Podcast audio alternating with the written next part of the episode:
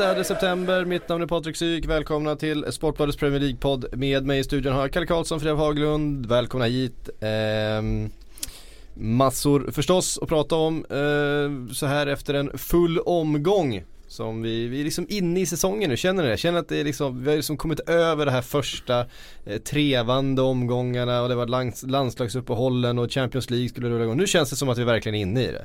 Eh, och nu känns det som att man börjar kunna få lite ramar eller hur på de här lagen också, hur de ser ut och vad vi kan förvänta oss. Håller ni med?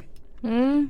Ja men jag håller med. Eh, nu känns det väl lite som att vi i alla fall tror att vi vet var den här säsongen eh, är på väg. Sen det är nu man ska lägga sitt tips. Precis. Man, man har kunnat nollställa alla lag nu på poäng. Och nu hade man kunnat sätta sitt tips för säsongen. Det blir ju skevt eftersom några har, redan har mer poäng än andra. Så att då blir det ju väldigt svårt att Men om vi hade nollställt alla lag nu så hade man ändå kunnat göra ett mer informerat tips om eh, slutställning. Mm. Sen ska det ju tilläggas att det trodde man ju kanske lite vid den här tidpunkten förra säsongen också. Det, det blev ja, inte, inte minst riktigt. vår programledare Patrik Syk som slog fast att ligan var avgjord då. Men jag vill minnas att jag Ja. försökte hålla tillbaka. Det var Manchester City då också va som Ja. eh, Det kan hända mycket. hade, hade imponerat stort under de första omgångarna. Det har de gjort nu också. Vi kommer som. Vi ska börja prata lite om Chelsea. För jag har pratat ganska lite om Chelsea ändå. Manchesterlagen har stulit en hel del eh, rubriker med eh, imponerande segrar men, men eh, nu känns det som att Contes mannar verkligen har trummat igång och firma Aspilicueta Morata den såg man inte framför sig inför säsongen men jäklar vad de producerar. Ja, eh, imponerande om vi börjar med Chelsea då att de kunde resa sig efter den där tuffa starten som det ändå var och att det var så Det blåste så mycket i korridorerna där ovanför Contes huvud och även kring Conte själv. Eh, min känsla där och då ska jag erkänna det var ju att det här kommer bli en ganska jobbig säsongstart för Chelsea. Eh, och inte bara premiären utan att den skulle hålla i sig ett tag. Att det skulle bli lite uppförsbacke och lite catch-up för dem att, göra. Men eh, de har ju studsat tillbaka på ett väldigt bra sätt och eh, eh, mycket tack vare att Morata kom in så bra och liksom burit det där ansvaret som han var tvungen att göra eftersom Diego Costa försvann. Nu har han ju dels eh, gjort en massa mål men han har ju dessutom Eh, tycker jag varit bra i allround-spelet också. Eh, så han har hittat rätt fortare än vad jag hade kunnat tänka mig och det är bara att lyfta på hatten. Och att det dessutom då har blivit någon slags radarpar där med, med Aspirqueta som har svingat in det ena fina inlägget efter det andra. Eh, på hans panna och även hittat honom i frilägen. Ja, från sin mittbacksposition också. Det är inte bara när han har spelat wingback utan det är ju längst bakifrån som han har sin utgångspunkt ju. Som Ja, till precis. höger i det där tremanna. Han kommer ju Eh. ganska långt upp i plan när de spelar med tre eftersom då kan du släppa fram en av de tre. Mm. Men eh, han har ju inte visat några sådana offensiva kvaliteter tidigare. I och för sig visserligen för att han under någon säsong där spelade vänsterback när han var eh, högerfotad och inte kom fram av den anledningen. Men nu har han ju faktiskt visat att han eh, kan göra poäng också. Ja verkligen. Och Morata kan göra mål på mer än med huvudet. Mm, det kan han. Ja, med fötterna. Eh, ja men precis. Ja. Det är svårt att veta när, när en spelare kommer sådär från Real Madrid och har lite stått i skuggan som han ändå gjorde i det laget. Så det är svårt att veta hur de Det är ska svårt att inte stå i skuggan i just det laget. Jo det är det ju. Eh, men det är svårt att veta hur de kommer akklimatisera sig till, till Premier League. Eh, men jag tycker att vi har sett eh, rätt många nyförvärv som har eh, kommit in och, och tagit för sig och Morata är ju en av dem. Även om Mm. han förmodligen hade den svåraste uppgiften att ersätta Diego Costa. Det känns som att Lacazette kom ändå in som någon sorts eh, frälsare i Arsenal. Eh, Mm. Han ersatte ju ingen direkt utan han kom ju in och tog en plats. Ingen! Giroud alltså, han är ingen. Nej, absolut inte. Men eh, Nej, jag förstår vad du menar. ja, Morata hade ju ändå mer, eh, mer press på sina axlar eh, Mm. på det sättet. Nej vi satt ju här och pratade om att ja men det är ju ändå Morata är bra men det är ändå en försvagning att byta ut en Diego Costa mot en Morata. Och hittills har det ju faktiskt inte varit det. Ja, hittills har har det inte varit det. Eh, och som sagt, jag för mig att vi sa det att han är en klasspelare, han kommer göra mål. Men Mm. kan han göra allt det där andra som Diego Costa gjorde? Och hittills måste jag säga att han har imponerat i allround-spelet, både som target och så vidare. Sen har han ju inte kanske Diego Costas auktoritet och hans vassa armbågar och det där är ju svårt att... Vem har det å andra Ja, sidan? nej det är ingen som har och det är svårt att kvantifiera det, hur många poäng blir det Ja. på en säsong? Men det är klart att eh, Hittills har han, ja som jag säger, så han har acklimatiserats på ett eh, fantastiskt sätt och göra det så här fort är imponerande. Noterbart, eh, David Luiz ut, eh, Christensen in eh, och Rydiger, alltså det var en eh, ja, Aspilicueta var väl den enda som var kvar i, i den här trebackslinjen då. Eh, löste det, nollade Stoke. Det, det är inte alla som har gjort den här säsongen. Nej det finns ju lite alternativ där och mycket tack vare att eh, Christensen har tagit sådana kliv sen han har varit på vift på utlåning i, i Bundesliga. Nu har ju han kommit tillbaka som en fullfjärad Premier League mittback och eh, mycket talar väl för att han eh, nu på sikt har chansen att faktiskt slå sig in och bli etablerad i Chelsea. Det vore ju jättekul. Ska han, ska han bli den första Chelsea-spelaren Ja, att ta, ta sig hela var- vägen från var- akademin då sen, sen John Terry? Sen har ju Eh, Bakayoko också gjort det bra ja. tycker jag på mittfältet. Han är ju eh, Han är en annan spelartyp än, än Matic. Han är inte eh, den där taktiskt slipade men han har ju ett jäkla driv alltså. Fysiskt stark och eh, kan ju driva fram bollen när det behövs. Och, eh, har två nu sådana liksom eh, Mm. Eh, Ja, en är ju Kanté mer- han som mer springer lik mycket. Kanté. Ja precis, en, Eh. en Kanté som springer mycket och täcker mycket men Bakayoko som dessutom kan driva fram bollen med lite fart och eh, nej, Det är ett bra centralt mittfält de har i år igen. Mm. Mm. Jag tyckte det blev så tydligt eh, med Bakayoko då i matchen mot Arsenal när han fick komma in där i det var väl redan i halvtid va, eller efter halvtid. Eh, så man kom in, att det blev, det blev skillnad direkt. Att eh, man, man ser vad, vilka kvaliteter han, eh, han besitter. Det måste vara skönt för Conte att kunna eh, när man vet att man har en sån spelare i, i truppen. Och, Ja, det, det är ju inte en spelartyp som försvinner ur matchbilden utan han ser ju till att vara, vara där och vara närvarande och ta för sig och, och, och blanda sig i eh, händelserna. Eh, och det är, en, det är en väldigt viktig egenskap. Det, det är minsann inte alla. Eh, vi har ju en Fabregas till exempel i det där laget som har just den tendensen ibland att försvinna ur matchbilder eh, när det inte går vägen eller formen inte riktigt är där och så vidare. Men det tycker jag Bakayoko har imponerat i. Eh, och känns det som vi lite grann har en trea nu som ser ut som en liten division för sig själv. Jag tänker Manchesterlagen och Chelsea. Eller är vi orättvisa mot Tottenham då? Ja det tycker jag att vi är. Det är för tidigt tycker jag att säga. Mm.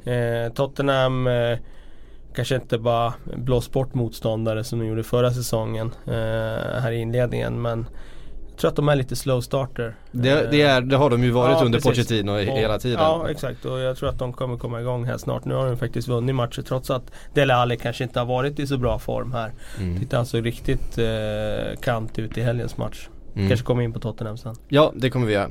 Eh, jag tänkte vi skulle ta oss eh, från eh, Chelsea då till Everton som ju har varit i en riktigt djup kris. Och krisen var väl som allra djupast där när Bournemouth gjorde 1-0 genom Joshua King. Eh, ganska fint mål. Man har ju väntat lite grann på att eh, King ska få, få igång målskyttet igen. Han gjorde ju hur mycket som helst där under en period i 15 i fjol tror jag. Ja precis, och allihop i stort sett eh, efter jul. Eh, var väl den som gjorde mest, flest mål av alla i ligan tror jag efter, efter jul. Eh, och då kände man att fan blir det torsk hemma mot svaga, svaga Bournemouth som vi ändå får säga för Everton med alla pengar som de har spenderat. Då, eh, då hade krisen varit total. Då hade det ju, tror jag, höjts en del röster för Komans eh, avgång. Men så kliver han fram, Nias, och löser det. Två mål. Eh, alltså han kommer ju från verkligen ingenstans nu. Eh, Är det han som ska täppa till den här eh, är det Nias? Han, han, som inte, han som inte ens fick ett skåp på, på träningsanläggningen i somras. För att de var liksom så jäkla klara med honom. Eh, är det han som ska komma in och lösa det nu? Eh, ja, det får vi väl se men det, det har ju märkts att Koman att han har saknat en, en renodlad eh, målskytt. Eh, det var ganska tacksamt att ha Lukaku där som öste in Ja. mål. Det har, han nog, det har han nog märkt av redan och han har ju inte hittat någon spelare heller som som har kunnat fungera som någon sorts ersättare. Sandro har ju liksom inte, han har inte kommit igång riktigt och eh, ja, Rooney kan ju inte göra allt på Han är ju egen inte den hand. spelartypen längre Rooney. Nej han är inte det. Nej, så att eh, nej, givetvis skönt för honom att få en vinst. Ja, vilken, alltså vilken känsla det måste vara eh, för honom i det här läget där han har varit så Ja men så långt i frysboxen som man kan vara. Det liksom dyker upp skador och det blir problem och han är verkligen en, en, en plan D liksom. Och sen så får Rooney den här skadan. Eh, han kommer in och Ja, och avgör den här matchen på egen hand. Ja, och plötsligt kan allt vara förändrat för att... Ja. Eh, det ja, han ska ju starta nästa match. Ja, det är klart han ska göra det och det är ganska uppenbart att eh, Everton saknar alltså löpstyrka där framme. Mm. Det blir mycket liksom spelare som vill ha boll på fötterna och jag tror att bara de får in någon som springer där framme då kommer en sån som Sigurdsson också få mycket mer utrymme och han kommer få mm. göra sin grej på ett annat sätt och på ett betydligt bättre sätt än han fått göra hittills. Eh, och där tycker jag är den stora eh, frågan för Everton just det där med Rooney och Sigurdsson att eh, med båda dem på plan så, så blir de ju väldigt statiska. Vi har en klassen också som också vill spela där. Ja, och han har ju spelat ibland tia och så har Sigurdsson och Rooney varit på, liksom på varsin mm. sida om honom. Och det, Ja det, det, känns som att de trycker in alla de där i elvan för att de har en viss status och de eh, behöver starta snarare än att de kanske förtjänar att göra det. Det är ju spelare som vill hålla i taktpinnen för, för, för, ett anfallsspel. Mm. Eh, det känns ju nästan lite roligare när Calvert Lewin är på plan. Det känns som att det händer lite mer. Eh, ja. Att, han, att han kan vara den som, som kan eh, springa lite och eh, dribbla sig runt lite. Nej men alltså han hittar på lite mer. Just när vi pratar om det här med att man blir lite för statisk. Mm. Frågan är hur K man tänker för att nu kom det ju nya rykten här att det, alltså eh, alla, kritiken har verkligen varit det saknas fart, det saknas liksom löpningar i anfallet. Eh, men Ronald Koeman ska ju då fortfarande ha in, siktet inställt på Giroud. Ja just det. ja, det är ju liksom, det, det ännu mer jag vet inte, är det något, eh, det, känns det som ett långfinger till alla de här kritikerna? Så, så här, ni måste, nu måste ha in en rörlig anfallare, nu måste ha in en djupledslöpare, Koman, håll min öl. Eh, jag vet inte, men, eh, det är bara rykten än så länge. Ja, eh, man men, kan ju se det så. Det är lite Ja det är lite, det är lite roligt och man kan ju verkligen le åt det lite. Samtidigt är det så här, får man in en Giroud då blir det så extremt uppenbart att han är statisk. Och att du måste mm. ha löpningar runt omkring han. Så då har han ju å andra sidan satt en situation där Ja nu kan han inte spela Sigurdsson och Rooney. Utan då blir det ganska uppenbart att nej det går inte. Mm. Utan då måste du ha in någon som springer runt omkring. Ja då får du ut, ut, ut med Sigurdsson på en kant och stå och skicka inlägg. Ja men det, jag menar nu har han köpt han för mycket pengar. Mm. Det är konstigt om inte spelar han i hans bästa position som tia tycker jag. Ja då blir det Mirallas och Lukman eller Calvert Lewin då. Jag vet inte om man äh... låst sig vid det här med trebackslinje också. Att det har blivit liksom att eh, jag, tror, jag tror att 4-2-3-1 skulle passa Everton bättre. Mm. Mm. Eh, seger i alla fall. Det måste ha känts rätt skönt eh, på Goodison Park eh, med den inledningen nu. Eh, om man i alla fall eh, kravlat sig lite lite ifrån den här värsta krisen. Mm. Ehm, Arsenal har vi också eh, inte krisat kring men i alla fall ställt en hel del frågetecken kring efter en eh, ganska tuff start. Um, fick väl någon slags upprättelse i krysset mot Chelsea men eh, igår så kändes det ju helt plötsligt rätt stabilt. 2-0 hemma mot West Bromwich. En, en sån där seger man ska ta. Det svajade lite då och då i försvaret. Det, det gjorde det ju. Inte minst skulle väl eh, Jay Rodriguez ha nickat in en en boll i stort sett öppet mål där men det var Vem var det som räddade på mållinjen? Nacho Monreal Det var Nacho Monreal Som ja. gjorde en väldigt fin match mm. Eh, nej, de hade ju tur i första halvlek Arsenal. Eh, dels tyckte jag att det var straff där när J. Rodriguez ramlade. Mm. Och dels hade de ju ett par riktigt bra vassa chanser där VBA. Tycker väl att eh, det var en ganska intetsägande match. Alltså, dels var det väldigt tomt på läktarna. Det var ju mm. eh, uh, uh, halvtomt på vissa sektioner. Uh, och dels kändes det som en ganska avslagen match tyckte jag. Framförallt eh, an, eh, ja, efter att Arsenal gjorde eh, 1-0 och gick till pausvila med det. Då kändes det som att West Bromwich hade ingenting i andra halvlek att komma med. Så det var, tycker jag, en ganska tråkig måndagsmatch faktiskt. Mm. Eh, en spelare som vi var väldigt nyfikna på inför säsongen ju, eh, var ju eh, Gregor Krychowiak eh, som köpt, eller lånats från eh, PSG som var så fin i Sevilla för ett par säsonger sedan. Eh, har inte riktigt kommit in i det här Tony Pulis eh, sammanhanget. Nej, nu var jag, jag såg inte matchen igår för jag befann mig på Tunavallen och såg AFC mot uh, IFK Göteborg. Ja, det ska inte föraktas. Nej, nej. Nej, uh, så jag missade tyvärr uh, matchen. men nej, det, det, har han väl inte riktigt. men det är ju lite svårt det där när man lånar in spelare på det sättet. Man vet, det känns som att det ofta är lite gambling ändå. Att man, att man, man lätt eldar upp sig för att det är en spelare som man vet är, är, är jäkligt duktig och, och, och besitter, sitter på väldigt mycket potential och så vidare. Men så vet man aldrig riktigt vad man får. Eh, sen är det ju inte helt enkelt att gå från PSG till West Bromwich heller. Eh, det måste man ju komma ihåg. Det är ju två väldigt olika lag och klubbar. Unai Emrys expansiva fotboll och uh, Tony Pulis Tre, du, har, du har tre instruktioner inför den här matchen. Du ska slå bollen dit, du ska slå bollen dit och får du läge så skjut.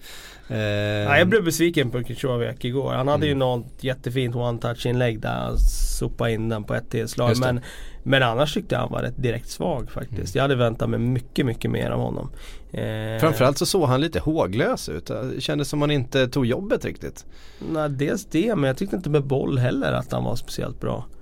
Det som var positivt då om vi tar West Bromwich, nu torskar de men det var ju Jade Rodriguez första mm. halvlek. Han har ju varit borta så extremt mycket de senaste åren men nu känns det ändå som att han är tillbaka att han mm. kan hota ett bra försvar. Och vi minns ju hur bra han var där i, ja, inför VM 2014 där han faktiskt var aktuell för Englands trupp där. Ja men alltså det Southampton-laget där, han och Adam Lallana var ju riktigt fint eh, partnerskap. Mm. Och, eh, man, man, man, eh, man har ju unnat honom Eh, komma tillbaka, en, en, en, en, värdig comeback till, till nivån han höll för att eh, då var han ju en av Premier Leagues bästa anfallare under i alla fall en period. Ja, under en period där kändes han som en av de hetaste. Mm. Bör vi lämna Gareth Barry där kanske? Mm, ja just det. Ja just det. Mm. Som nu är mest Premier League-spelare. Eh, exakt, det hade jag faktiskt glömt att ta med i min. Det var bra att du tog upp det Kalle. Eh. Mest Premier League-spelaren. Ja. Eh, när var det han debuterade? Var det 17? 17 ja, han var 17 år. Nej, Nej det var, var 17 våren, våren 98 var det. Ja. Eh, och, och det, eh, ja. Shit det är länge 19 sedan alltså. Och ett halvt. Vad hade vi för spelare kvar i, var det så att? Eh, ja, det var ju Hugo Giog och det var Southgate och de som lirade i försvaret ja, där då. Så mm. det är lite häftigt att han Jag, eh, jag har ju alltid följt Gareth Barry Han är ju väldigt anonym egentligen för att vara en sån eh, liksom Eh, För det har varit en, en sån fin karriär Ja precis. Säga, liksom. alltså, Så mycket han har liksom Det är väldigt sällan det är några rubriker om Gareth Barry. Mm. Vare sig det handlar om hyllningar eller skandaler. Alltså han har ju nästan gått under radarn hela tiden. Mm. Det fanns väl ett tag där när han var i Aston Villa där i slutet av hans där han verkligen fick credit här att han var mm. riktigt, riktigt bra. Benitez ville ha honom till Liverpool mm. som ersättare för Xabi Alonso där. Mm. Då kändes det som att, men annars har han ju nästan gått under radarn hela tiden. Det är klart, i City där så eh, fanns det också perioder där han var en uppskattad liksom eh, eh, så här riktig grovjobbare liksom. Men annars har han ju nästan varit Alltså eh, utanför rampljuset hela tiden. Mm. Men eh, jag hade ju en, eh, en vän som var ungdomsproffs i Aston Villa. Så jag minns när han var hemma hos mig en gång. Och det här, han gick ju till Aston Villa. Det var Isak Nkubi från Västerås som gick till Aston Villa när han var 16-17 där. Och då när han kom hem där från någon då satt han, ja, satt vi hemma hos mig. Då frågade man ju såklart ja men har ni någon spelare sådär som är Ja vi har en i juniorlaget sa han. Gareth Barry heter han. Han hade redan då börjat spela för Englands U21-landslag. Mm. Han sa han, han är riktigt, riktigt bra. Vänsterback var han då. Eh, så då tänkte jag så här, Gareth Barry. Så såg jag när han eh, debuterade där i Villa. Eh, så, så tänkte jag så här, nästa gång jag åker till England då ska jag sätta en slant på att Gareth Barry spelar fram till två mål i VM-finalen 2006. Det här var ju liksom när han precis hade debuterat. För eh, min polare sa att han har grym vänsterfot och sådär. Tänkte så här, det här bettet kan göra mig till eh, mångmiljonär. Men jag satte aldrig det där bettet. Nej, eh, det var lika bra det. Ja, precis. För att, eh, det hade ju varit pengar i sjön. Men det hade ändå mm. varit eh, kul att ha det där bettet under de där åren. För jag trodde verkligen, i min värld så tänkte jag så här, Gareth Barry kommer spela VM 2006 och där kommer han spela fram till två mål i VM-finalen. Mm. En, eh, en enastående karriär på många sätt, inte minst så fick han ju också vinna lite grann eh, i, Ma- i. Manchester City. Mm. Eh, och det unnar man ju en sån, eh, en sån kille. Mm. Eh, vad tror, finns det någon annan som kan utmana det här på sikt som vi ser? Wayne Ja, Rooney är har ju spelat en jäkla massa eh, Premier League-matcher. James Milner har spelat en jäkla massa. De Ja. debuterar ju också väldigt ungt liksom och har varit ordinarie Precis. i hela sina... Men Milner är inte riktigt ordinarie nu och det är Nej, frågan om nej. han kommer vara det framöver. och det är det som är, tycker jag, det imponerande här. Att dels framöver så är det ju, vilket Gareth Barry konstaterade nu när han intervjuades Mm. inför den här jubileumsmatchen här. Eh, att det är så svårt att slå sig fram som ung spelare idag. Mm. För det köps in så mycket stjärnor från hela världen. Skulle du komma fram och 17 idag, det är, det är, det är väldigt svårt. Sen Mm. roteras det ju så mycket mer idag än vad det gjorde Mm. förut. För att det är så mycket matcher och en helt annan fysisk påfrestning. Så att eh, jag tror att eh, han Sen har han gjort smarta flyttar också, inte minst på slutet. Han lämnade City när det var dags för det. Då gick Ja. han till Everton och det var lagom han var väldigt bra där. Nu har han lämnat Everton för West Bromwich och det är liksom Precis, han Eh, gör ju den flytten för att få spela matcher. Det är inte alla som Mm. gör det. Nej. Vissa är bekväma och sitter kvar på sin lön där och så. Så att jag tror att det är ett svårslaget rekord det här. Eh, Mm. det är inte alls lätt att ta det här för dels måste du komma fram när du är väldigt ung och sen Många du som gör det. typ varenda match ja, spela fram till du är typ varenda 38. match. Och då måste du vara skadefri. Och sen måste du ju, du får inte vara för bra heller för då köps du till Real Madrid. Och, alltså du har ju alla Ja. de här grejerna Ja. också. Så det är inte lätt att slå det här som utspelare. Nej. Blir kanske Rashford om eh, sådär typ 10-15 år sitter vi här Ah, det och... tror inte jag alltså. Det Nej, jag, inte jag, hoppas ju att han kommer att mm, ta liksom nästa steg och förhoppningsvis flytta utomlands eh, till någon ännu större klubb. Men, Alltså, men, det- eh, men jag tror så här, du kan inte göra om du är en explosiv spelare. Alltså då, då får du de här muskelskadorna. Du ska helst vara en sån där grovjobbare som inte tar så många maxlöpningar. Det är då du kan spela många Eller en matcher. målvakt som slår igenom väldigt tidigt. Alltså, Ja målvakt hur- är ju en annan sak tycker Ja. jag. Utspelare Eh, målvakt absolut, det är, en, det är en annan sak tycker jag. För de kan ju spela väldigt länge också. Ja de kan spela väldigt länge. Å andra sidan är det Och- svårt att slå sig in när man är ung. Ja det är ju det. Eh, Du ser inte så speciellt många 17-åriga målvakter i, eh, i A-lagen. det är bara i allsvenskan som de Ja, precis, det-. Konkurrensen är inte lika mördande här uppe. Så jag gissar, inte, jag, jag gissar på att Rashford kommer inte vara aktuell för det här rekordet. Jag Mm. tror inte det. Eh, ska vi eh, använda det, Rashford som en segway då in till Manchester Uniteds seger eh, som inte var med 4-0 den här gången. Eh, utan eh, blev bara ett mål mot Southampton. Eh, De ska vara ganska glada för det. ja, Southampton var ju väldigt bra. Ja. Men det blev så smärtsamt uppenbart att de saknar en målskytt. ja. För att eh, det var de här 80-90-procentiga målchanserna gång på gång på gång på gång. Men där var ju Bailly och Jones så det kändes aldrig, aldrig riktigt, riktigt Ja, det var väl när. Romeo fick någon chans där från Ja. nära håll och han lyckades skjuta utanför. Det var väl den som var en riktig 100% chans. Annars var det mycket inlägg och de stod och nickade undan och så vidare. Ja, de hade en nick som rensades på mållinjen utav Lukaku också. Ja, det kanske var det. Eh, Just Nej men det, var, det. men det, det fanns en sköld där som de inte riktigt hade någon som kunde ta sig igenom. Nej. En eh, hel Charlie Austin hade kanske kunnat varit Mm. den här eh, närvaron i straffområdet som hade kunnat bryta eh, av den nollan liksom. Mm. Han kom ju in men... Eh, Ja han är inte riktigt fit for fight känns det Nej. heller efter sin skada och så vidare. Men eh, det, det, det är ingen tvekan om att de saknar lite spets. Jag funderar på det. Är Southampton det laget som hittills har spelat bäst och fått minst ut av det hittills i ligan? Det känns som att de har gjort rätt bra matcher men eh, de har inte fått så många poäng för det. Nej. De och Leicester skulle jag säga. För jag tycker Leicester också har spelat ganska bra men de har bara fyra poäng än så länge. Ja, det kanske Eh, de också. på, se, på sex matcher. Men, men eh, Southampton Frida, ehm, Mm. det där mittfältet ser ju ändå ut att eh, ha något. Med eh, Romeo och eh, Lamina. Ja absolut. Jag tyckte Lamina var, han var väl förmodligen man of the match.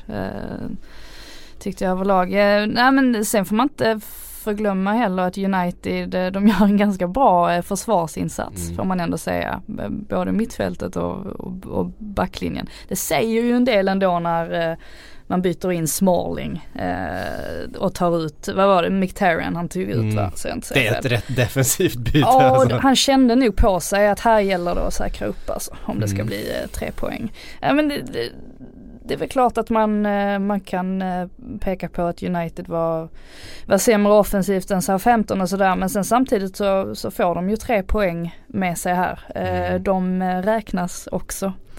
Verkligen. Och jag tror inte att ehm, hade det här hänt vid den här tidpunkten förra året så hade det nog börjat låta lite bland supportrar och så vidare. Men nu har man ändå vunnit tre matcher med 4-0.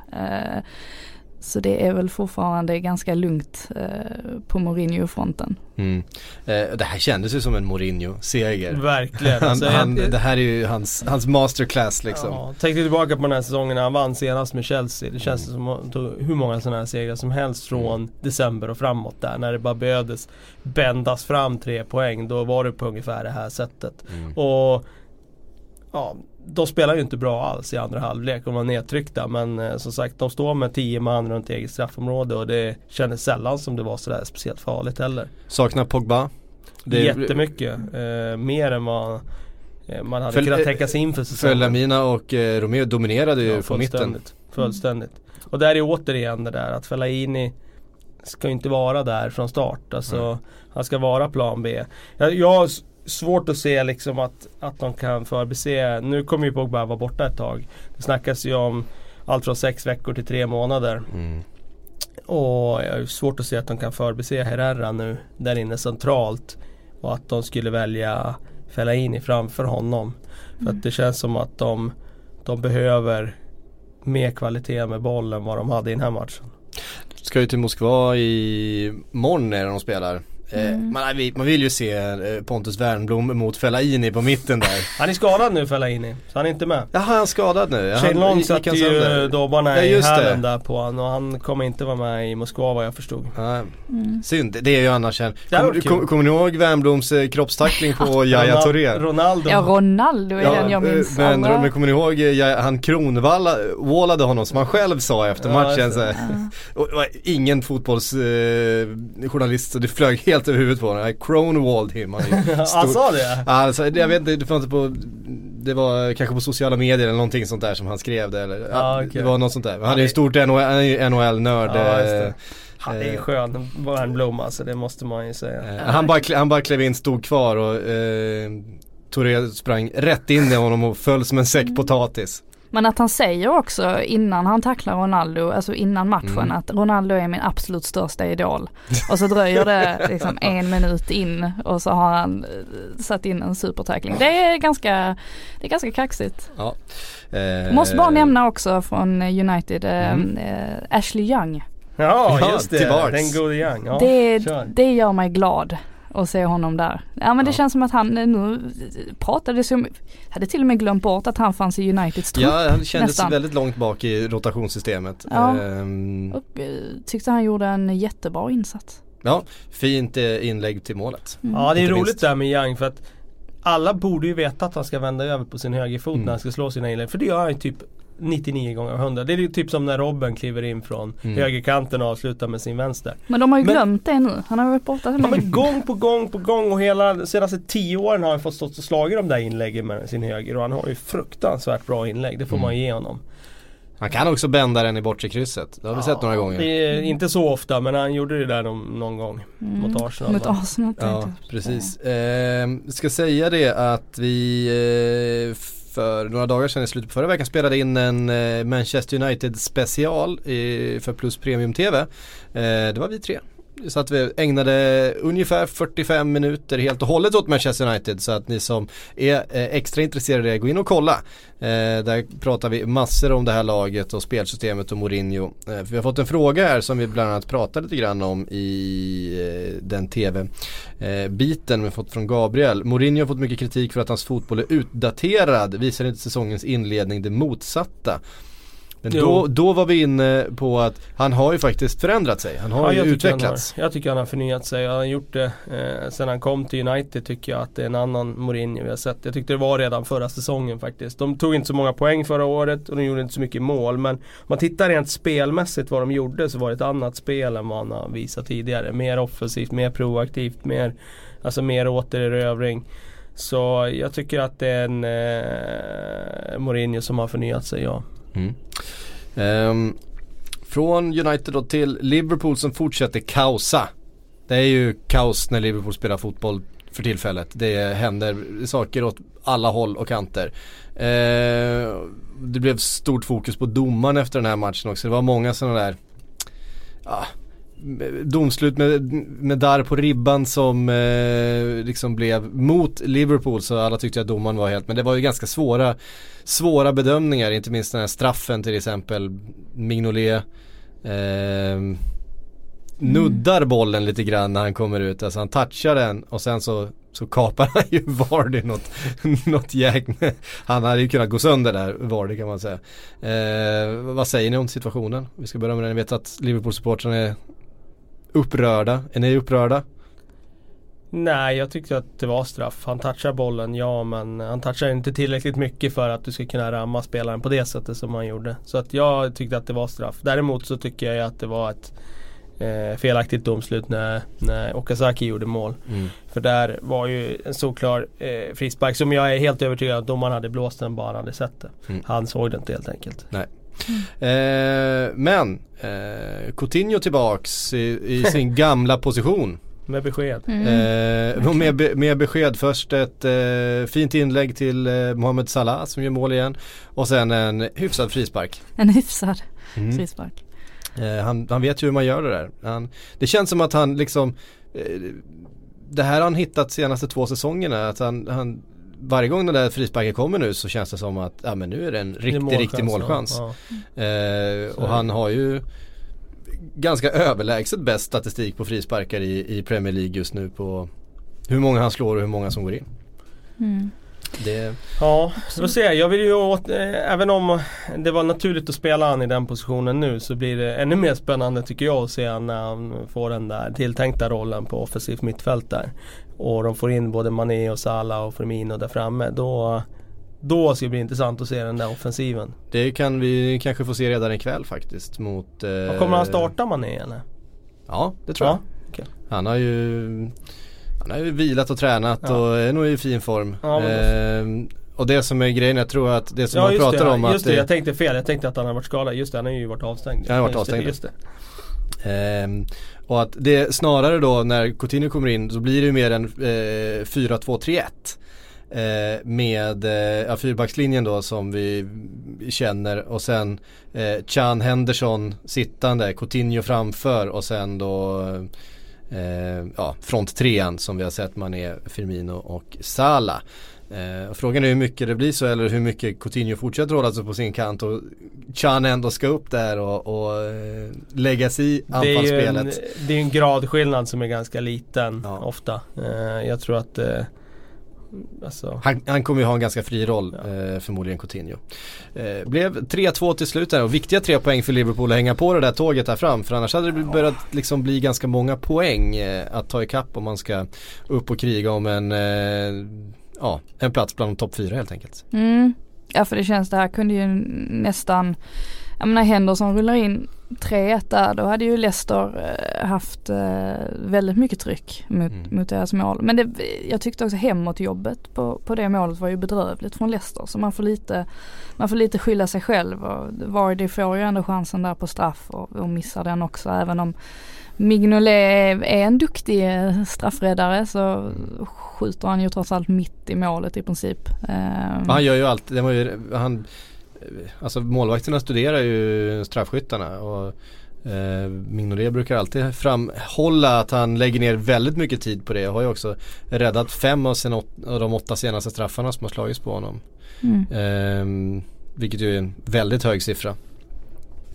Eh, så att eh, Vardy kanske var den mest lättlästa straffskytten han har ställts mot hittills. För han, han drar den alltid med vrist mitt på. Eh, och hoppas att målvakten ska hoppas att, hoppa åt något håll. Så det är bara att stå kvar. Quality sleep is essential for boosting energy, recovery and well-being. So take your sleep to the next level with Sleep Number. With a Sleep Number smart bed, you can individualize your comfort level and enjoy a better sleep night after night. JD Power ranks Sleep Number number 1 in customer satisfaction with mattresses purchased in-store. And now the Queen Sleep Number C4 smart bed is only $1,599, a saving of $300, only for a limited time. For JD Power 2023 award information, visit jdpower.com/awards. Only at Sleep Number stores or sleepnumber.com. Uh, eh, uh, eh, uh, eh, um. Ehm, Manchester City.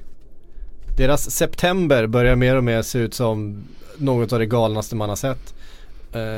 Om vi tar bort den här ligacupmatchen vilket man kanske inte ska göra men det är ändå en ligacupmatch med mycket rotation som de ändå vinner med 2-1 eh, borta mot West Brom. Eh, men tittar vi på Champions League och i ligan så har de alltså fyra matcher och 20-0 i målskillnad. Det känns som att de ska göra 4-5 mål i varenda match de spelar just nu. Mm, men det känns väl lite också, eh, de inledde förra säsongen väldigt bra också. Eh, men i år är det som att de har tagit det till ännu en nivå. Det känns som att försvaret känns stabilt. Det känns som att det är, mer, det är mer styrka, det är mer kraft. Vi pratade inledningsvis de, efter de första omgångarna att de vann bekvämt med så här 2-0. Och sen nu känns det som att de har släppt eh, allt och bara springer hem segrar i princip. Eh, mm. Fortsätter de så här så vet jag inte riktigt var det ska sluta faktiskt. De tycker det är det mest underhållande laget just nu i Europa att titta på. Ja, de behöver ju inte ens försvara. De, de, de står ju alltid och kortpassningsspelar i motståndarnas straffområde. Uh, och det är så mycket, jag har ju varit inne på det men det är så mycket kvalitetsfötter på den där offensiva halvan av det laget. Det, det är ju helt sjukt alltså. Du börjar liksom med en Kevin De Bruyne som kan slå precis vilken slags passningar som helst på läppen. Vi har en David Silva, vi har en, eh, en Sil Bernardo Silva och Sterling och Agüero. Alltså det är liksom, de kan göra precis vad som helst när som helst och, och de gör det. Det är liksom kreativiteten i det där anfallsspelet är ju hisnande alltså. Ja. Ja men kort och gott så. Det, det, ja. det, det känns som de kan göra alla sorters mål. De kan eh, slå alla sorters passningar. De kan gå förbi eh, spelare en mot en på alla, alla sorts sätt. Så, och, ja, det är svårt att se. Det, det laget som, de har ju det där uttrycket i, i England att eh, det laget som slår City vinner ligan. Alltså då, mm. då, då, vinner man. De kommer inte sluta sämre än tvåa. Det, det är omöjligt liksom med den här materialet. Jag kan inte se det framför mig. Nej. Eh, det känns verkligen så. Det, vi får väl se. De inledde ju väldigt starkt förra säsongen också men inte så här starkt. Jag kan inte minnas att det var så här dominant. Ja, de hade ju några de... insatser där som var riktigt, riktigt övertygande. Där de parkerade på offensiv planhalva och de tog tillbaka bollen direkt och de dominerade och de vann. Mm. Eh, väldigt enkelt. Men eh, de gör ju ännu mer mål i år. Eh, mm. och nu när de dessutom inte släpper in några så är det klart att blir någon slags eh, kvitto på att eh, jag tror att de, de, har blivit bättre helt enkelt på att förhindra omställningar. Sen så behöver man ju inte försvara heller när det är Crystal Palace man möter. Nej, för de har fortfarande inte gjort mål i ligan. Det finns en poäng där. Nej, det är helt sanslöst. Eh, alltså sex raka matcher utan att göra ett enda mål. Alltså, mm. Rekordet passerades ju för två matcher sedan. Mm. Och när ska de göra mål? För nu väntar det ganska tuffa matcher för dem. Det väntar tuffa och Benteke är skadad. Ja, Benteke är skadad borta 68 veckor. den det, som ska göra det. Liksom. Vi skrattar här, det är ju synd om Crystal Palace. För jag ja. menar, jag, vet, jag lider med dem. Jag vet hur det är, det är när man liksom är bakbundna händer, handikappad för att du ja, skador gör att du liksom inte du har inte den slagstyrkan som du som du vill ha. Jag menar nu har du Conor Wickham på skadelistan, men Teke är ny på skadelistan och släppte Fraser Campbell. De har ju ingen senioranfallare nu och starta med till nästa match. Det är United de möter på Old Trafford tror jag. Mm. Jag tror att det blir Bakary Sakho som de får skicka fram i någon mm. slags eh, ja, eh, som någon slags striker eller spela punchen som någon slags falsk nia. Men då ja. är vi nere på ett lag som inte har gjort ett enda mål hittills. De ska spela Ska spela punchen som falsk nia? Ja så, eller alltså, Sakho liksom ja. i en position där han inte är bekväm. Det mm, Ja det, det, det, är riktigt tungt och återigen alltså Vad håller Scott Dam på med den här hösten? Vad Nej. gör han? Är han köpt eller vad, vad, vad sysslar Karl med? Det är som att den som var den kanske mest pålitliga försvararen, man visste att man får alltid Man får inte kanske insats som är 10 av 10 men Nej. du får alltid 7 av 10 liksom. Ja. Stabilt eh, tryggt. Han är inblandad i liksom varenda match i situationer där man undrar liksom Har han glömt bort allt vad försvarsspel är? Eh, Han måste ju ha hamnat så, så otroligt fel i skallen känns det som. Att- Och att han- offensivt också. Jag menar han Ja, har han ju brukar ju missat, bidra en hel del offensivt med, med Ja, missat faktiskt. mål Ja, vid flera tillfällen. Ja. Men just det där att försvarsmässigt, det är inte som att de inte är påkopplade. Om man tar det där målet när City kontrar in, eh, när Sané spelar in den från vänster och, och Sterling sätter den från nära Mm. håll. Liksom. Om du tittar på Sarkos reaktion när den liksom, omställningen sker. Man kan se en kvart innan att okej, nu börjar det bli farligt. Nu måste jag ta mig ner på rätt sida. Det är som att han inte reagerar. Det är som att Ja, oj, nu ser han att det blev farligt och då är han ju två meter efter Sterling. Mm. Och sådana där grejer Ja men alltså i P14 där kanske du ser de där grejerna men på den här nivån det är som att de inte är där mentalt. Och av en sån spelare, det är ju knappast en junior. Nej, han är Det- precis det- tillbaka nu också Ja. Sarko. Så att, jag menar, men Dan har ju samma sak tycker jag. Det är liksom, de är inte påkopplade och det är, det är oroväckande. Mm. De har ingen Ehm, offensiv och de har ingen defensiv och de har noll poäng och de har noll gjorda mål och nu ska de möta United och Chelsea på rad där, va? är det inte så? Ja. Ja, lycka Mm. till Roy. Ja. ja, vi vet ju att Roy är, som, som varit inne på, en, en eh, träningsplanscoach. Han älskar ju ja, otroligt tydliga instruktioner vid eh, fasta situationer och så vidare. Men jag menar, här känns det som någonting annat som måste, alltså det, Sen är det ju så här, det, det här du löser du inte på träningsplanen Du kan vara hur duktig som helst. Till slut så du, du har ju också Nu har du ett spelare som ma- fattar de här ett besluten och som spelar så här, liksom, liksom. Som ska göra det och det, just nu har han ju definitivt inte det med de skadorna de har och så vidare. Eh, jag tror absolut att de kan undvika de tre sista platserna om de får till det men det måste vända snart. Ja. Ehm, mm.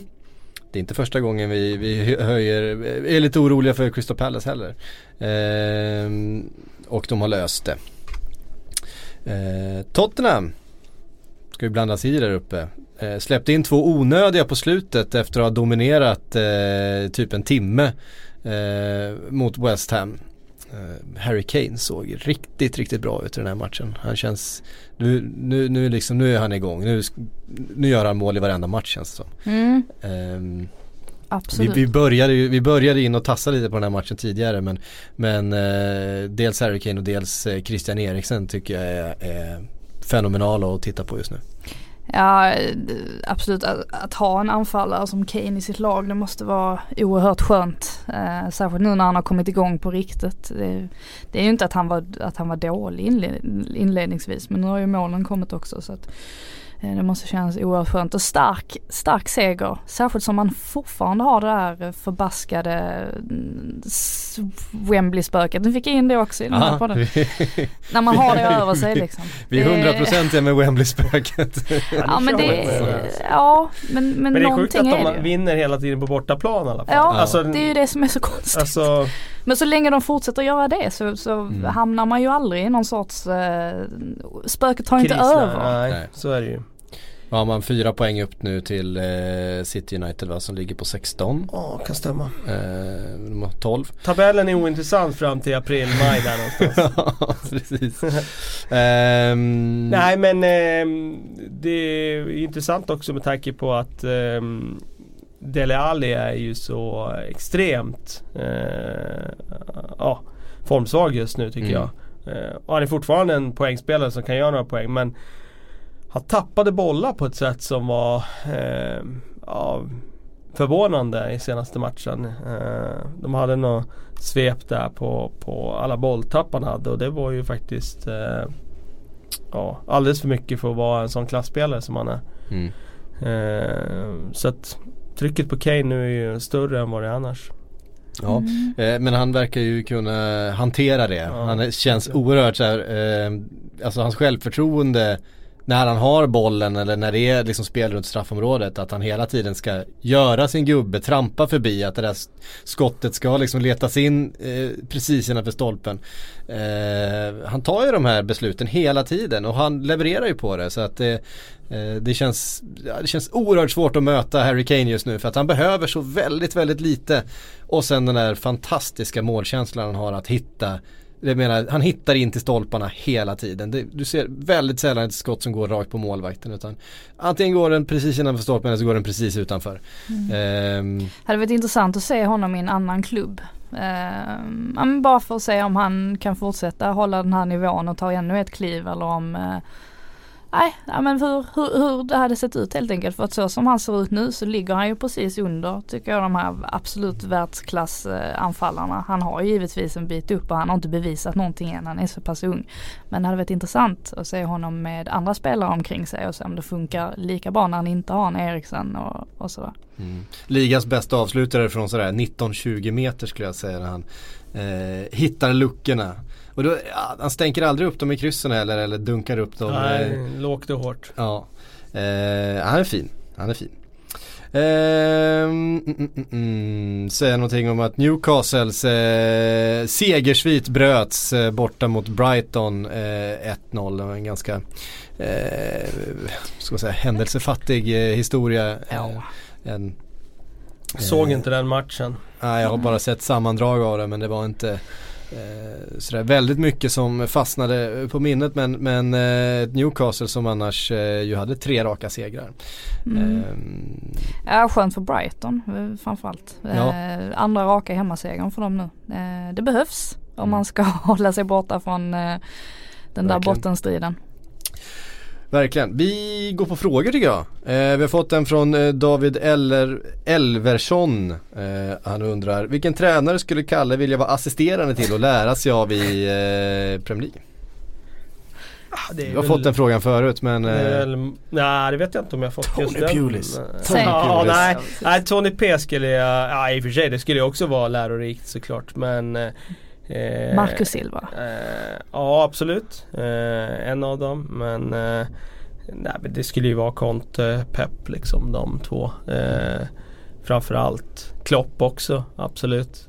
Nej men eh, jag skulle säga alla men eh, om jag skulle måste välja, om jag får välja fem då så skulle jag nog Mm. säga Klopp, Conte, Pep. Eh, ja, Mourinho också och, och kanske Benitez. Nej, nej. Poch. Ja, faktiskt. Mm. Ja. Eh, Fan det var tråkigt, det var bara topplagen där. Wenger lyser med sin frånvaro Stackars Wenger. stackars, stackars Arsene. Nej men Marco Silva skulle också vara intressant. Ja. Det skulle vara Eh, han har gjort det bra. Seger igen för Watford eh, nu i helgen ju. Han, han eh, samlar på sig poäng. Det kommer vara övre halvan för det där Watford. Det lovar jag nästan, vågar jag nästan lova här efter sex omgångar. Ja fast du är ju Watford-fan ju så att det Ja, i grund och botten. Ehm, mm, mm, mm. Majrud eh, undrar, Anton Majrud heter han. Eh, utreds fortfarande safe standing i Premier League eller är spåret dött? Eh, och det är väl mer levande än någonsin. Eh, det har ju införts, det infördes ju häromåret i eh, Skottland. Mm. Celtic har en liten, eh, ett litet område med safe standing som har varit en stor framgång. Det har funkat väldigt bra. Eh, klubben är väldigt nöjda. Eh, och det har nu precis införts i Shrewsbury Town. Denna massiva eh, klubb. Nej men eh, en anledning till att de, de blir lite eh, testklubb här för att eh, det finns ju fortfarande den här regeln att du får inte ha stående supportrar i de tre högsta divisionerna. Och Shrewsbury Town tillhör då inte och har aldrig tillhört de eh, tre högsta divisionerna vilket innebär att de har möjlighet att eh, bygga om sin arena eh, och viga en del åt bortasektionen tror jag det är för safe standing och det här ska då vara ett test för engelsk fotboll. Eh, sen är det så här att eh, i och med att den här regeln tillkom efter Hillsborough-katastrofen att den var väldigt, väldigt eh, avgörande för att när regeln infördes så har eh, de familjerna och Liverpool-supportrarna blivit någon slags remissinstans i den här frågan. De har i alla fall blivit en väldigt eh, viktig röst i den här diskussionen. Eh, och nu hölls det en omröstning eh, inom den, eh, alltså inom Liverpool-supportrarna vilken officiell ställning man skulle ha till safe standing. Och det, den har betytt väldigt mycket och där röstade 80% för safe standing. Eh, överlevarfamiljerna, deras officiella ställning är fortfarande att de är emot. Men de har accepterat det här eh, Spirit of Shankly då, den här eh, supporterunionen som finns eh, kring Liverpool Football Club. Ehm, deras stora omröstning och att deras officiella ställningstagande är att de är för safe standing och kommer ehm, helt enkelt eh, ha den hållningen i fortsatta diskussioner. Så att det, det, pratas mycket om det. Klubbarna är intresserade av det. Man sneglar lite på Tyskland där eh, det har funnits rätt länge. Um, och uh, det är ju en möjlighet för, för, uh, för diskussionen handlar ju rätt mycket om hur ska vi få tillbaka stämningen på många arenor, hur ska vi uh, kunna förbättra, inte minst för att det inte minst så är det ett säkerhetstänk bakom det också för att många bortasupportrar står ju alltid ändå. Och så står man vid sin stol istället och det är betydligt farligare för då kan man trilla framåt eh, för det finns ingenting som hindrar en. Det finns snarare mm. någonting som, som fäller en lite grann ett ryggstöd framför sig. Så att det, skulle vara, det är mycket säkrare att stå vid en sån safe standing eh, område och man menar på att supportrarna ändå står framförallt borta sektioner och att det skulle kunna finnas en öppning där för att se över den här regeln. Men mm. just nu är det Shrewsbury Town som eh, provar den här säsongen då. Eh, så får vi se ifall det här eh, utvidgar sig och ifall FA kommer plocka upp den här frågan inom, eh, ja för någon slags omröstning och se så att klubbarna också kommer med, med eh, sina officiella ställningstaganden. Men än så länge så, så är det en, en, en väldigt aktuell fråga. Det kommer nog hända någonting, i alla fall kommer fattas ett beslut kring det eh, inom de, eh, de närmsta säsongerna, det skulle jag tro. Jag tror det blir ännu mer påtagligt när Köln kom på besök på Emirates, eh, att man saknar det där lite, ja. eh, den där eh, superstämningen. Eh, det var ju många som har gått på hur många Arsenal-matcher som helst och sa att de aldrig hade upplevt något liknande så att mm. det är ju det tror ja, jag nog kan sen, vara ett fall i rätt riktning ja. och, och få dit ståplats. Ja, eh, och jag menar det är ett sätt att eh, få ner biljettpriset men samtidigt få in lite mer, lite mer supportrar eh, mm. i vissa sektioner. Eh, det är någonting som klubbarna de vill gärna få ner biljettpriserna utan att tappa några intäkter. det här skulle kunna vara en sån, en sån variant. Det tar ju lite mindre plats när man står upp än när man sitter ner och sådär. Ehm, så att det är absolut ett, eh, ett spår som lever. Och det är väl någonting som eh, vi kommer följa upp förstås.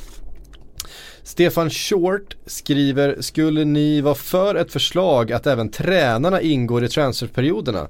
Eh, man får då till exempel byta inom organisationen. Säg att man har tre stycken eh, tränare eller man skulle kunna få plocka upp en ungdomscoach eller sådär om man känner att eh, den man har inte duger. Men man får inte, man får inte byta tränare med någon extern. Roy Hodgson hade inte kunnat komma in och ersätta eh, De Boer till exempel nu. Oj. Vad säger ni om det? Nej, jag, jag, jag tycker det är bra som det är att man, eh, man får byta när man vill. Jag, jag ser inte vitsen med att sätta ett sånt förbud.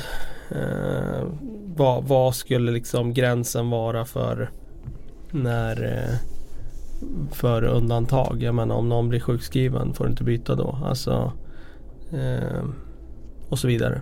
Mm. Vi hade ju en tränare som var sjukskriven här för bara någon vecka sedan, Benitez, som inte kunde vara på match. Man kan ju mm. drabbas av något allvarligare än så och vara borta längre tid. Ja, ska du få plocka upp U19-tränaren då bara istället? Eller vad? Mm. Alltså nej, ja, nej, jag ser inte anledning. Nej, plus att eh, de gångerna man byter trä tränare är ju oftast när klubben är lite i kris. Det känns som att det är lite taskigt då att, att eh, man eh, dessutom inte får plocka in någon extern tränare. Det, det, det, drabbar, ju inte, det, det drabbar ju inte liksom topplagen direkt utan det drabbar ju alltid krislagen. Ja precis, mm. nej jag ser inte anledning. Och sen också sådär vad skulle det i förlängningen innebära? Skulle det innebära att eh, klubbarna signar en reservtränare som bara går bredvid och, och mm. tittar tills det kan bli aktuellt att sparka tränaren? Ja men då, då står han Då är han redan signad. Då är han liksom Han har bara stått på pappret tidigare som assisterande liksom. Precis istället för att ha två stycken första målvakter ja. liksom så här, så ja. bara en får stå så får du ha en eh, Benitez liksom eh, på bänken då. Exakt. Eh, bakom en ja, Mourinho. Nej. Jag tycker det är bra som det är. Fri rörlighet. Eh. Släpp transferfönster även för spelarna. Hela året? Ja, köp, när som helst. köp Bara och kör. sälj. Köp och sälj när som helst. eh. Nya rykten om Coutinho, året runt. året runt. Oh, det hade vi inte vilken jävla mardröm. Vad ska det innebära för dig psyk och ditt välbefinnande? det är inte bra. Det har inte varit bra för någon tror jag. Eh, Samuel Silén eh, har skrivit, skulle Malmö FF stå sig i Prem- Premier League med tanke på att några allsvenskans bästa spelare knappt platsar i Championship? Nej det skulle de inte göra. Det skulle bli åka av för deras del. Och Ja, de hade inte tagit någon nej. poäng kanske. Hemmaplan någon poäng mot Ja. Crystal Palace hemma 0-0. Ja. Eh, men Eller ska ni inte göra mål? eh, men eh, annars tror jag det skulle bli jobbigt för dem. Alltså det, det är Ja nej det, det är några hack upp i kvalitet alltså. Ja, nej, det hade blivit, det hade blivit tufft. Vi har varit inne på att svenska landslaget kanske hade hängt kvar i, Ja i, precis, i nej, men det blir ju en annan sak Ja. eh, såklart. Ehm, ja, och det är ju inte så speciellt många i Malmö FF med svenska landslaget. Ehm, Vilket säger en del. Ja, precis. Sampe, eh, 8 som han kallas på Twitter som han har en fråga till. Vilket Premier League-lag har störst chans i årets Champions League? Ja, alltså så som det ser ut nu tycker jag ju City har det. Mm. Det är ju det mest ehm, kompletta laget eh, som det är. Sen vet jag om att jag tippade Manchester United. Eh, men det är eh, att gå ganska långt. Eh, men det är mest för att jag tänker att det skulle inte förvåna mig om de lyckas kravla sig vidare. Mm. Det är lite sådär bubblare, eh, outsider. Men Manchester City tror jag faktiskt har en alltså, realistisk chans att ta sig långt. Eh, Mourinho har ju den här förmågan att, att gnugga fram resultat när det behövs och det är liksom ett bortaplan och man, man eh, kan åka därifrån med med 1-1 och det ser rätt bra ut inför en hemmaretur och sådär så han är ju slipad på det sättet. Det finns ju en annan tränare som också är rätt slipat, Antonio Conte. Jag Ja, skulle se är hans trebackslinje nu i Europa i, framme i februari där i slutspelet. Eh, det tror jag har potential att eh, kunna skaka även de stora i, två, i över två matcher. Eh, så jag skulle säga City, Chelsea. Eh, just för eh, Ja, för att Chelsea kanske inte är i min värld kommer de kanske inte vara eh, vinna ligatiteln i år men eh, istället kanske nå en framgång och gå långt i Europa. Mm. Eh, Stefan Short har en fråga till här. Ja, det är flera stycken som får med flera frågor idag. Det var bra jobbat. Eh, Vi måste ha bättre fördelningspolitik. ja, men jag läser ju Allt inte namnen, i jag läser ju samhället. vilka frågor jag vill ha med för jag vill, Hela jag vill samhället ha bygger lite- på fördelningspolitik. ja, jag vill ha lite, lite spridning på ämnena. Eh, han undrar i alla fall, eh, är det mer rimligt att låta eh, Victor Nilsson Lindelöf få 5-10 minuter i Premier League där det är avgjort eller, eller behöver stängas, liksom lite grann som, som Smålen eh, Smålen fick nu. Istället för att han sitter på läktaren om vi pratar om frysbox. Ja, alltså Borde han känna att han, att han ändå är där i, liksom får, får liksom hoppa in och dra på sig tröjan och ja, nej, duscha det, med de andra killarna. det liksom. kommer ju komma sådana matcher här framöver. Eh, så det, är- det är nog inte så långt bort att han får ingå på bänken i, i ligan. Det, det kommer ju alltid någon skada, någon avstängning. Och då, han är ju inte så långt bort från bänken nu så då är han med på bänken. Och jag är säker på att det blir så som du säger där. Att skulle en match då vara avgjord eh, och det står 3-0, ja men då kommer han säkert skicka in honom sista 5-10 bara för att han ska få in och känna på det. Mm. Ehm, VGS eh, undrar vad tänker ni om Gundogan? Gun, vi fan det där namnet är, är ju s- är lurigare än man tror. Man vill ju att det ska vara Gundogan. Men eh, Vill man det? Gun- Nej det har jag aldrig Gun, Gundovan tror jag man ska, alltså det där andra G tror jag blir ett V. Eh, eh, ja? Gundogan, Gundogan tror jag man ska Okej. säga. Eller inte V men ett, typ ett O. Okej. Eh, Eller W. Gundogan, eh, vad tänker ni om honom egentligen? I hans framtid som toppspelare ute Frida? Eh, efter alla skador. Ja alltså man, man har ju inte riktigt fått någon, någon bild av honom känns det som. Man har inte hunnit eh, med tanke på alla skador. Men jag tror absolut att han, eh, alltså det lilla man såg precis när han hade kommit dit då gjorde han ju eh, jättebra insatser där i, i början. Eh, så jag tror absolut att han har det i sig. Eh, det gäller bara att han får vara skadefri eh, under en längre period så att han hinner komma in i det igen för att eh, nu har han ju helt plötsligt ganska mycket konkurrens också som han ska ta sig förbi innan han får, eh, innan han får spela. Ja, det är inte helt lätt att slå sig in på det där centrala mittfältet just nu, inte minst hur de spelar. Eh, Men han kan ju spela i den offensiva rollen också. Och det är klart att de behöver rotera där. Eh, nej men jag tror inte att hans tid som toppspelare är borta. Däremot kanske han aldrig når den potentialen som, han hade. Mm. Jag, sa att jag, jag såg ju också att vi fick ett svar eh, direkt på, på Twitter. Det var någon som var så här. Eh, innan skadan två mål mot Barca, nu senast bäst på plan mot West Brom i eh, ligacupen då. Eh, där de ju inte vann med 5-0, då får vi väl eh, säga det. Ehm, men ja, nej, det är klart att det är en, eh, en klassspelare. Eh, Nathan Solomon har skrivit, vad är det som händer med Leicester? Är det att de andra lagen blivit bättre eller att Leicester blivit sämre? Men jag var ju inne på det lite grann tidigare. Jag tycker att Leicester i stundtals har spelat ganska bra. Eh, jag tyckte de var bra mot Arsenal i premiären. Eh, det var ett sent, sent eh, segermål för, för Arsenal. Jag tyckte de var helt okej okay mot, eh, mot Liverpool i, i helgen och pressade ganska hårt.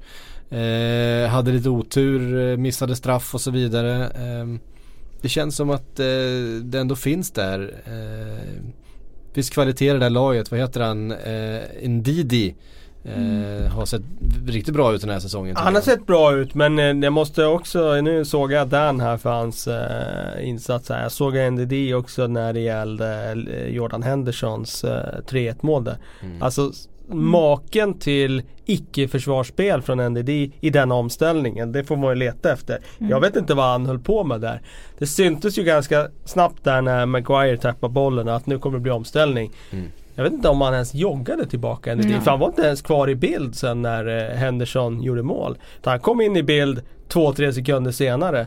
Och det var ju eh, inte den NDD som, som Leicester behöver där så att eh, Han är ja. ju Kanté-ersättare Ja precis, han ska ju vara den som bara blåser en maxlöpning hem där och då hade han kunnat förhindra det där målet. För då hade han, mm. nu kom de tre mot två och då hade han kunnat varit den där tredje spelaren som hade fångat upp Henderson där borta. Nu var han inte där och då blev det 3-1 och sen torskar de på det. Mm. Så där jag sågar NDDs eh, hemjobb. Ja, hemjobb i den situationen. Mm. Sen har ju Okazaki fattats lite den här säsongen och han är ju väldigt viktig med sitt eh, riviga eh, spel jäklar vad han sliter alltså. Mm. Eh, även Jamie Vardy är ju jobbig att möta. Han springer och tacklar på allt och beter sig på alla möjliga sätt. Eh, så är det. det. Sätter lite frågetecken för Schmeichel också på första ja. målet där. Alltså, Ja det är klart att när, när det där inlägget kommer från Coutinho som är helt fantastiskt mm. Så finns det en risk att Salah droppnickar den där i bortre ja. Och att det har man sett ganska många gånger mm. Men han, han ska inte släppa nej, första stolpen där. han får inte släppa stol, första stolpen där nej. För det är det absolut farligaste att han nickar där Så nej, det, var, det var lite förvånande faktiskt att han släppte den så billigt Då är det ju snarare att man ska ställa sig där och droppnickar den och lyckas med det då som är ett mycket svårare moment än att nicka den i första stolpen Ja då får han väl lyckas med ja, det då ja istället för att släppa in det enklare målet. Eh, så, så, må, så, så, måste den, den procent eh, fördelen måste man ju ge sig själv. Eh, men han har varit lite svajig. Vi såg något annat mål här om veckan som ehm, var det mot, eh, det var det mot, mot Manchester United? Ett skott som eh, eh, han borde tagit. Eller var det mot jag minns inte vilka de var nu men det var ett skott som inte alls kändes otagbart och som rullade in bredvid honom och han reagerade väldigt sent på. Hörrni, vi måste stänga butiken för idag. Tack eh, Kalle, tack Frida för att ni kom hit. Tack för att ni har lyssnat. Vi är tillbaks om en vecka igen.